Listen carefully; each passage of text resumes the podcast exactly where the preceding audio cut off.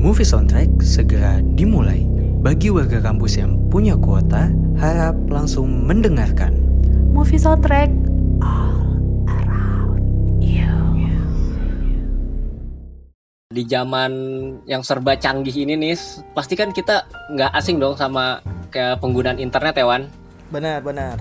Eh, pokoknya banyak deh sekarang eh, kita gunain internet tuh untuk berbagai macam hal nah termasuk kayak untuk sosial media juga ya lu pakai sosial media ada apa aja tuh Wan gue kayaknya hampir semuanya sih gue pakai. Soalnya kan buat kebutuhan juga ya. Tapi gue eh, jujur aja sih, gue kalau misalkan gue make sosial media sebenarnya nggak mau karena itu ngebuat gue malah jadi tambah kepikiran gitu.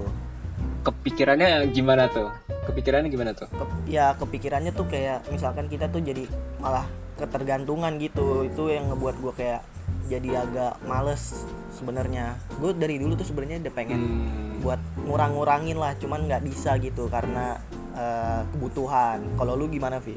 Iya, kalau gue sih lebih eh, khawatirnya tentang ini ya keamanan data pribadi kita di media sosial karena kan eh, data kita kan gampang banget ya diakses kalau udah masuk internet ya Wan. bener Nah itu kadang-kadang tuh gue jadi eh, resah gitu kayak mau masukin kayak misalnya mau daftar apa gitu kan mesti masukin data diri apa kadang ada juga yang malah mesti foto KTP kan. Nah itu kadang-kadang bikin gue tuh kadang-kadang khawatir tentang itu.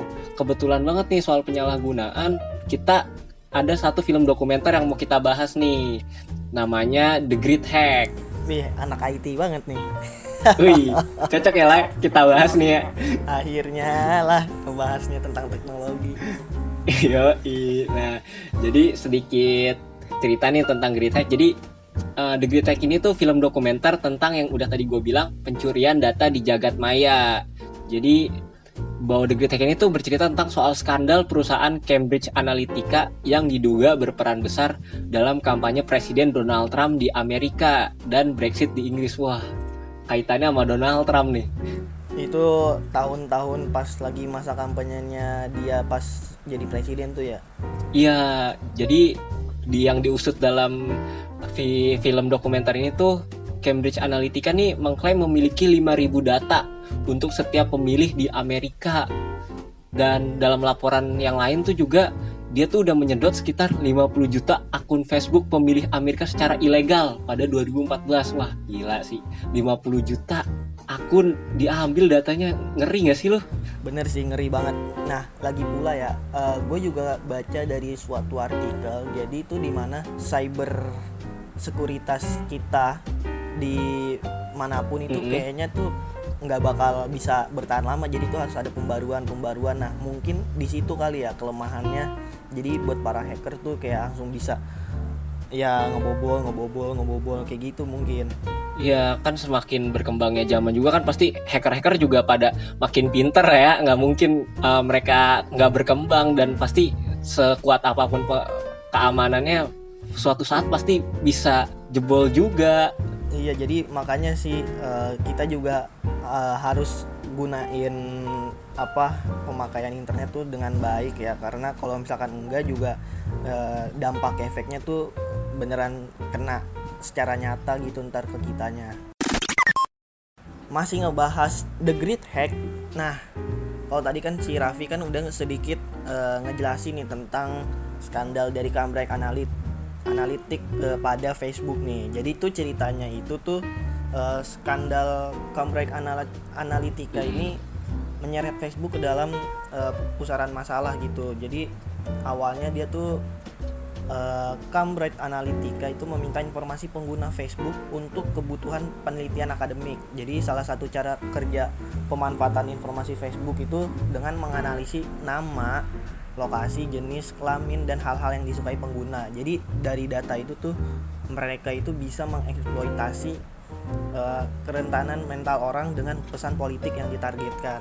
Eh, jadi eh, se, se apa ya perusahaan Facebook tuh bisa percaya aja gitu ya sama ya mungkin eh, kita juga tahu sih Cambridge Analytica ini kan eh, sebuah ini kayak kampus sih kampus yang benar-benar eh, apa ya terpandang lah jadi makanya mungkin dia percaya aja gitu ya Mm-mm. padahal ya bahaya sih kalau misalnya udah ditunggangin gitu Iya ya. karena kan karena kan ini juga ya mungkin orang-orang kan udah lama ya pakai Facebook jadi mungkin percaya nih oh ini mah emang ininya Facebook emang dari Facebook padahal sebenarnya ada maksud terselubung kan di balik pertanyaan-pertanyaan itu dan kebutuhannya untuk politik makanya nah dan dan parahnya lagi nih jadi adanya skandal Cambridge Analytica ini langsung nih Facebook Mhm. ini diseret ke dalam pusaran masalah. Jadi tuduhan utamanya itu bahwa Facebook tuh nggak bisa ngejaga kerahasiaan data pengguna mereka. Jadi atas kasus ini bos Facebook Mark Zuckerberg itu langsung dipanggil ke Kongres Amerika untuk menjelaskan perkara ini. Gitu. Jadi ya serba salah juga sih. Jadi kayak kita tuh kayak kena jebakan gitu ya sih dari Facebooknya ini. Iya. Eh, tapi ya kalau kalau menurut gue di internet kalau kita udah masuk internet nggak ada data yang aman gak sih iya pasti bener. kayak suatu saat bakal bocor juga bocor gitu juga iya cuman uh, gimana caranya kita buat ini aja sih apa enggak ngejual lah gitu kan kayak Iya, istilahnya mengfilter lah. Gak semuanya kita kasih datanya yang harus terpercaya juga. Kalau misalnya kita nggak filter nih tentang data pribadi kita tuh bisa aja disalahgunain sama orang atau bahkan data kita dijual. Makanya kan sering juga nih kita ngerasain mungkin warga kampus juga tahu kalau misalnya kita sering nerima SMS yang nggak jelas. Lu sering nggak, Wan? bener nah itu tapi tapi ini ini ngeselin banget sih gua nggak tahu ya di negara lain ada apa enggak cuman kayaknya di negara Indonesia parah banget sih cuman ada kartu provider yang dari luar katanya itu nggak pernah dapet Heeh. eh, SMS kayak gitu Ih, cuman gue kesel banget sih hampir tiap hampir tiap hari gue dapat 175 juta itu Iya kan maksudnya ya kita sebenarnya tahu itu apa pinjol atau segala macam atau penipuan. Cuman yang bikin ah. isinya itu adalah eh, dia itu nge-spam ya. Iya nge-spam ganggu. Jadi kayak hampir tiap hari ada aja SMS yang gak jelas dapat 175 juta lah menang undian inilah itulah. Dan itu bikin kita risih lah ngelihatnya lama-lama. Iya, bahkan nih ya, bahkan nih ya, gua ngeliat di berita bahkan Menteri Keuangan Sri Mulyani itu juga kena, cuy. ya sekelas menteri kena. Pinjol, jangan-jangan nih utang-utang negara nih dari dari pinjol semua kan. Lucu banget ditawarin soalnya. pinjol yang minjem ini menteri keuangan utang negara tuh yang mau dilunasin 107.7 FM. 107.7 FM. Radio Budi Luhur. Kalau tadi kita kan udah ngebahas tentang The Great Hack ya.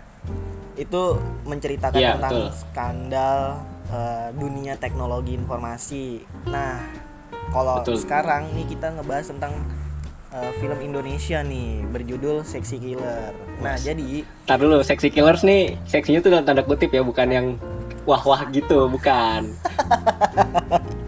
benar Takutnya kan warga kampus salah. Nggak, takutnya Kita lurusin ya. dulu nih. takutnya nih orang-orang yang denger contohnya kayak Pak Bos produser, ini mikirnya ke mana-mana gitu. Iya, udah bahaya nih, masih siang padahal. Jadi ini tuh tentang industri batu bara, batu bara yang sudah lama dikenal punya dampak lingkungan. Jadi tapi Hmm. ini nggak ada yang banyak tahu nih. Jadi di balik industri ini tuh ada nama-nama politisi eh, Indonesia. Nah jadinya tuh dibikin sebuah film berdokumenter. eh, judulnya tuh Sexy Killer. Jadi itu berusaha buat mengungkapnya. Nah lu udah nonton belum Vi kalau ini Vi? Kalau gue udah, jadi seksi killers ini menurut gue uh, bagus banget sih soalnya mengungkap tentang uh, industri batu bara yang merusak lingkungan banget nih. Karena kan kalau yang kita tahu ya batu bara nih kan sebagai emang sumber daya listrik yang paling ini ya, yang paling berpengaruh lah di Indonesia. Cuman kita tuh sebenarnya nggak tahu dampak lingkungannya itu tuh uh, bahaya banget nih. Dan ini yang diungkap nih di seksi killers ini. Jadi film berdurasi satu setengah jam ini tuh menelusuri proses penambangan batu bara di Kalimantan hingga dibakar di PLTU untuk menjadi listrik yang menyebabkan dampak lingkungan dan kesehatan. Dalam film ini tuh diceritakan juga bagaimana industri batu bara berdampak bagi warga terutama nelayan dan petani wan. Benar. Nah, cuman ini yang bikin bertanya-tanya kepada semua orang atau semua penonton yang udah nonton lah. Ini kan ditayanginnya kan pas Mm-mm. banget sebelum pilpres gitu ya kenapa pas belum pilpres ya lu tahu gak lu masih ingat gak sih kalau misalnya itu tuh tayangnya tuh pas sebelum pilpres banget Iya bener banget nih. Jadi pas uh, film ini tayang tuh itu kebetulan lagi masa-masa kampanye lah untuk Pilpres 2019. Eh, jadi isi ceritanya itu tuh eh, polisi politisi-politisi itu tuh yang kebanyakan tuh adalah orang-orang yang sedang eh, dalam masa apa ya pencalonan presiden lah dari dua Iya, kubu, pencalonan gitu. presiden, menteri dan segala macam. Nah, dan ini tuh juga nggak menyasar pada salah satu kubu aja, misalnya ke Jokowi aja atau Prabowo juga karena dua-duanya itu punya peran penting juga lah di uh, industri batubara ini. Iya jadi ini eh, sempat jadi para bincangan orang-orang karena isinya tuh menarik dan kita juga sebenarnya masih nggak tahu ya ini tuh benar atau enggak. Cuman ini bisa banget eh, ditonton sama warga kampus dan ajak teman juga kalau bisa biar bisa ada sesi diskusinya. Betul. Nah, jadi uh, film ini tuh dibikin sama uh, namanya nama produksinya tuh Watchdog. Dia tuh uh, merupakan hasil dari ekspedisi Indonesia Biru. Jadi berkeliling Indonesia selama satu tahun untuk mencari dokumenter-dokumenter tentang masalah lingkungan lain. Nah, dia tuh juga sempat ngebahas tentang pabrik semen di Jawa Tengah, terus tentang Teluk Benoa di Bali, dan juga tentang sawit. Nah, jadi warga kampus bisa aja bisa langsung nih kepoin YouTube-nya Watchdog untuk nonton dokumenter-dokumenter tentang lingkungan di Indonesia. Nah, kalau misalkan kita cuman ngebahas filmnya doang, kurang afdol kalau misalkan kita belum ngebahas tentang fakta-faktanya nih, Vi. Betul banget. Ada apa aja nih Wan? Nah, jadi itu yang pertama itu. Jadi film Sexy Killers ini tuh dibuat dari tahun 2015. Lama juga ya. 4 tahun loh dibikin. Wih, lumayan nih. Iya, jadi itu Sexy Killers ini merupakan bagian terakhir dari dokumentasi perjalanan ekspedisi Indonesia Biru yang dilakukan oleh Dandi Dwi Laksono dan Ucok Suparta sejak tahun 2015. Perjalanan mereka Hmm. lakukan dengan mengendari kendaraan bermotor dari Jakarta ke Bali, Sumba, Papua, Kalimantan, Sulawesi dan kembali ke Pulau Jawa. Nah, menurut gua ini sih dia berarti emang kayak Totalitas nggak sih? totalitas banget buat ngelihat sesuatu yang lain dari politik Indonesia mungkin ya. Lingkungan di Indonesia. Mm-mm. Kalau misalkan menurut gua ini terlepas dari benar atau enggaknya, kita mendingan ditonton dulu aja biar kita nggak kena hoax atau segala macam.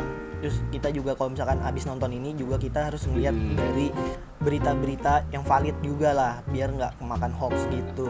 Karena ini benar-benar agak Iya. nyentil banget gak sih? Betul, nyentil banget. Jadi buat warga kampus kalau emang mau nonton ini jangan ditelan mentah-mentah. Ntar abis nonton langsung benci Jokowi kan. Wah, Jokowi, Jokowi kan. Jangan, jangan. jangan nanti kita, kita malah kita yang ditangkap. Ngeri kan? Bener. Nah, yang ke- yang kedua nih, jadi itu ya disutradarai oleh Dandi Dwi Laksono. Jadi film Sexy Killer ini tuh disutradarai sama Dandi Laksono, mantan jurnalis yang kerap melakukan liputan investigasi. Jadi selain sering mengkritik kebijakan pemerintah melalui film, Dandi juga dikenal lumayan aktif menyuarakan kritiknya melalui sosial media. Jadi oh, jadi Dandi Dwi Laksono ini kayak se- apa sih namanya tuh? Apa? Jurnalis. jurnalis eh, kayak seperti social justice warrior gitu ya atau oposisi lah Oh, SJW. Ya, bener pokoknya dia aktif lah untuk menentang tentang kritik-kritik pemerintah lah. Dia aktif dan dituangkannya tuh dalam bentuk film dokumenter ini. bener karena Gitu. menurut gue juga kayaknya kalau misalkan kita hidup dengan satu tuju satu arah tuh kayaknya kurang pas ya maksudnya biar biar negara kita semakin maju harus ada kritik dan sarannya juga sih menurut gua bagus Betul. Asal kritik dan sarannya didengar, tidak tutup kuping. bener banget tuh nah terus yang Oke, oke, kita lanjut tuh, kita lanjut. ini Kita sebenarnya lanjut. bahasannya ini udah bahaya banget nih lanjut yang ketiga Vi Bahaya banget nih. Nggak tahu nih episode terakhir kita apa gimana nih. Yaudah, lanjut. Yang ketiga, Oke. Vi. Lalu selanjutnya tuh ada terdapat korban akibat kerusakan lingkungan. Dalam se- film Sexy Killers ini tuh disebutkan ada 32 korban akibat galian bekas tambang yang tidak direklamasi dari 2012 hingga 2013. Padahal daerahnya dulu itu adalah salah satu lumbung padi nasional. Sedangkan secara nasional dalam kurun waktu 2014 sampai 2018 ada 115 korban yang meninggal. Jadi karena tambang ini nih, tambang batu bara jadi banyak korban juga ya karena karena mereka ini ulah-ulah mereka ini. Iya iya iya.